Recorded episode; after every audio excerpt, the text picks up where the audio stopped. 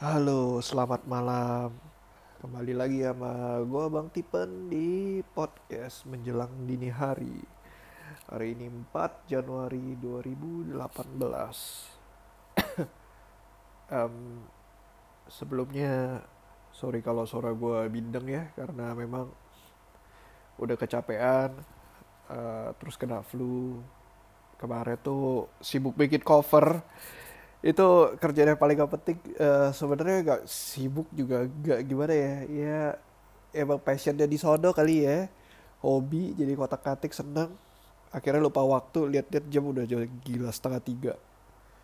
Terus setengah jam 7 alarm bunyi tapi ketiduran sampai 8.15 tuh alarm bener-bener gue cuekin. Gue tahu itu bunyi tapi kayak gue bisa ngapa-ngapain. Eh, jadi ya gitu deh Em, gue hari ini mau ada ngebahas materi yang berdasarkan pengalaman gue sendiri ya. Jadi gue itu udah oke judulnya bukan judul ya. Eh, topiknya adalah mendingan berdagang atau trading atau I mean mendingan dagang atau buka eh, produksi dalam kurung buka pabrik gitu. Jadi bisnis itu kan biasa intinya sebenarnya dua.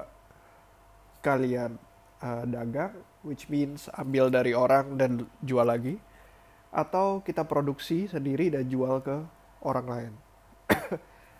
Nah, em, kebanyakan orang kan, oh kita harus produce, kita harus produce gitu. Tapi belum tentu juga ya. Karena pabrik itu, produksi itu punya beban sendiri dibandingkan dengan dagang. Misalnya, uh, kalau bisnis digital zaman sekarang, kita harus punya uh, programmer at least supaya dia bisa bikin produk kita kan? Atau enggak kita setidaknya cari freelance programmer buat cari uh, produk kita, uh, bikin produk kita gitu. Belum lagi trial and error dari customer itu udah pasti kan.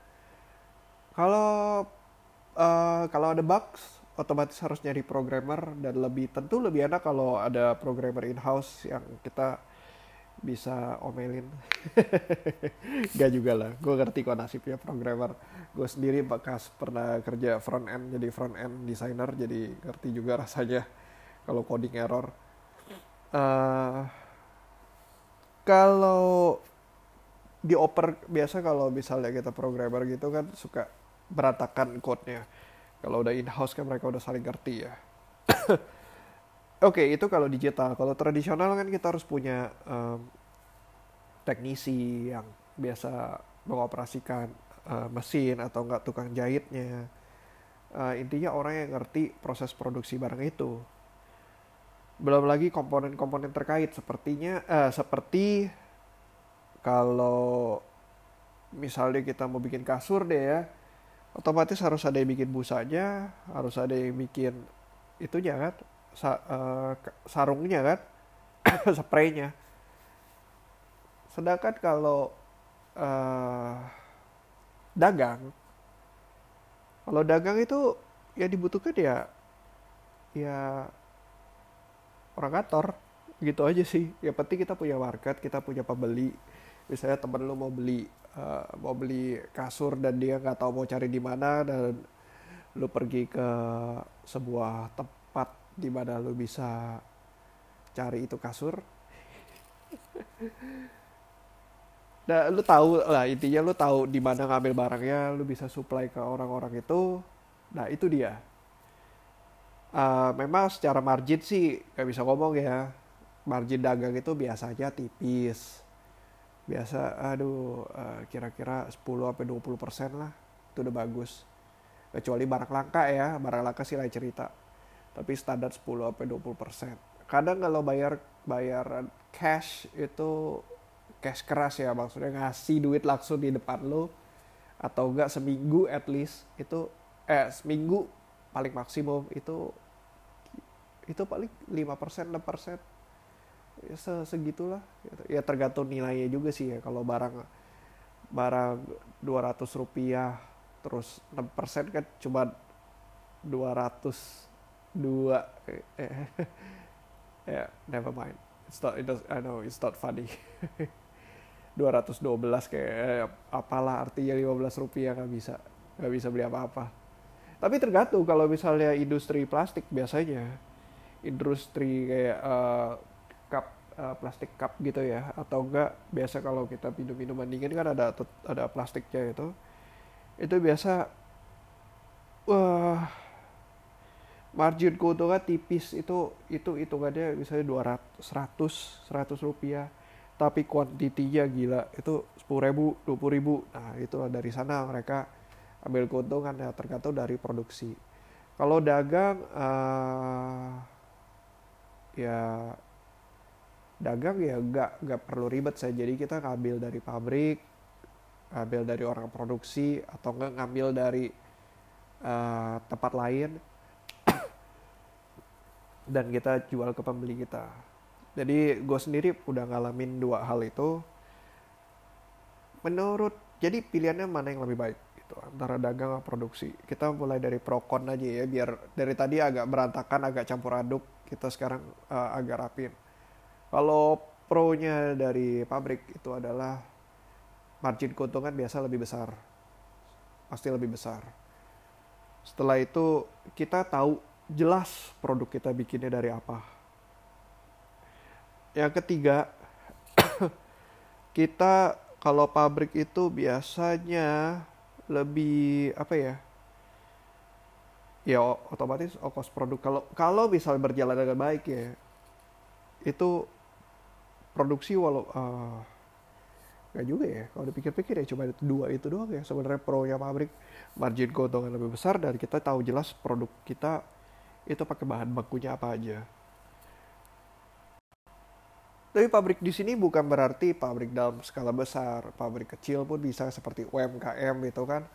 Kalian produksi uh, anggaplah boneka anak itu kan juga kan atau pabrik sepatu kecil-kecilan kan sekarang lagi nge-trend tuh bikin footwear, bikin dompet itu semua kayak bikin sendiri, bikin sendiri.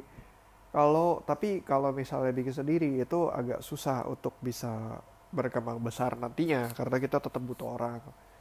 Dengan orderan yang makin banyak kalau kita bikin sendiri ya susah ya unless passion kamu emang di situ dan lu emang mau ngerjain sendiri tapi apa kayak gimana ya kok ngomongnya ya secara gamblangnya ya mau kapan kaya lu gitu lu, lu kerjain sendiri gak, gak bisa lah tetap harus butuh orang kalau lu mau scale mau growth dan scale ya itu harus tetap uh, butuh bantuan orang Lalu konnya apa nih buat pabrik negatifnya? Negatif uh, konnya otomatis kenapa margin pabrik itu bisa lebih besar? Karena resikonya juga lebih besar. Gagal produksi salah satunya. Dua, gaji buruhnya. Gaji karyawan lebih banyak karena kan harus produksi barang kan butuh orang yang lebih satu skill yang lebih tinggi. Dua lagi uh, jumlah orangnya juga kan harus banyak ya nggak harus banyak sih tapi at least kita tetap ada butuh orang untuk uh, misalnya satu orang kapasitas cuma 10 ya udah 10 gitu nggak bisa bikin lebih. Sedangkan kalau ada, orderan lebih kita kan harus bikin juga kan? Itu code-nya lalu gue ngomong rada tersedat-sedat karena emang hidung gue mampet aduh. Tapi tetap harus konsisten untuk rekor DGD cuma sebentar. Uh, lalu kita lanjutin ke kalau misalnya dagang, pro-nya apa tuh? Pro-nya kita nggak usah pusing mikirin produksi karena ada apa-apa, ada masalah apa-apa, salahkan ke pabrik. Itu udah paling gampang. Barang jelek, oh ya udah saya ambil, salahin ke pabrik. Gimana sih lu produksi barang? Gitu kalau misalnya ada uh, cacat dikit, lu gimana sih produksi barang? Udah, gue minta korting. Padahal nanti di langganan kita bisa bilang, ya kita bujuk-bujuk langganan. Ya pintar-pintar lah namanya pedagang ya. Kedua, ke lebih fleksibel. Dalam artian lebih fleksibel, kita nggak terpaku ke satu produk. Dan kalau kita mau jualan barang lain, orang bilang palu gak ada ya. apa yang lu mau gue juga gue ada uh, jadi uh, misalnya kita ke tempat lah customer gitu kita lihat oh lu ada produk ada kita lihat dia pakai barang itu banyak udah deh gue bantu lu supply juga deh yang ini lu bantu gue ya ambil ambil dikit lah gitu kan saling bagi bagi profit lah gitu. Jadi nggak terpaku lu coba jualan misalnya lu jualan uh, lu jualan susu gitu tapi lu lihat customer lu ternyata pakai ada juga pakai uh, bantal. Ya udah lu juga supply bantal gitu aja. Ya, ini ngomongin dagang yang ya B2B B2B ya gue terutama ya. Kalau dagang retail sih uh, end customer juga sebenarnya mirip-mirip sih ya. Ya palu gak ada ya model kayak Carrefour gitu gak sih? Itu kayak apa yang lo mau gue juga ada. Jadi kayak hypermart yang supermarket besar. Oke lalu uh, apa? Oh pro-nya lagi atau lagi uh, karyawan gak banyak. Karena yang penting kan kita tahu yang penting adalah kita bisa kirim sama ada satu orang terima buat ada orang terima terima barang. Jadi waktu barang barang kiriman datang ya ada buruh di sana lalu ada supir yang buat antar barang bersama satu connect biasanya sama sisanya admin admin admin admin kantor. Nah ini biaya paling besarnya biasanya di admin kantor sama di biaya pengiriman. Kadang kan namanya uh, kita dagang itu ya mau nggak mau ya kadang 10 kita kirim. Ya dikit-dikit juga boleh kirim lah. Yang penting kita bisa orang bilang ngejar offset gitu. Ya itu dagang begitu. Nah kalau konnya apa? Konnya tadi gue udah bilang margin lebih kecil. Uh, keuntungan kan lebih tipis dua juga kalau misalnya dagangan sepi ya gimana ya? Ya ya bagaimana gitu kan dagangan sepi dan juga banyak pesaingnya karena kan namanya dagang itu kan lebih butuh modal lebih kecil jadi banyak pesaingnya. Uh, unless lo masuk di dagangnya di industri yang yang butuh modal besar seperti industri kayak industri plastik ya agak butuh modal besar karena pabrik nggak mau kirim kalau pembelian kita cuma sedikit. Otomatis mereka biasa minimal minimal satu ton. Iya satu kilonya berapa gitu kan? Eh, tiga puluh ribu empat puluh ribu bayangin aja. empat puluh ribu dari satu ton seribu empat puluh juta. Ya itu baru satu item. Kalau nggak mungkin kita jual cuma satu item minimal dua atau tiga. Udah berapa? 120 juta. Itu kan besar modalnya jadi uh,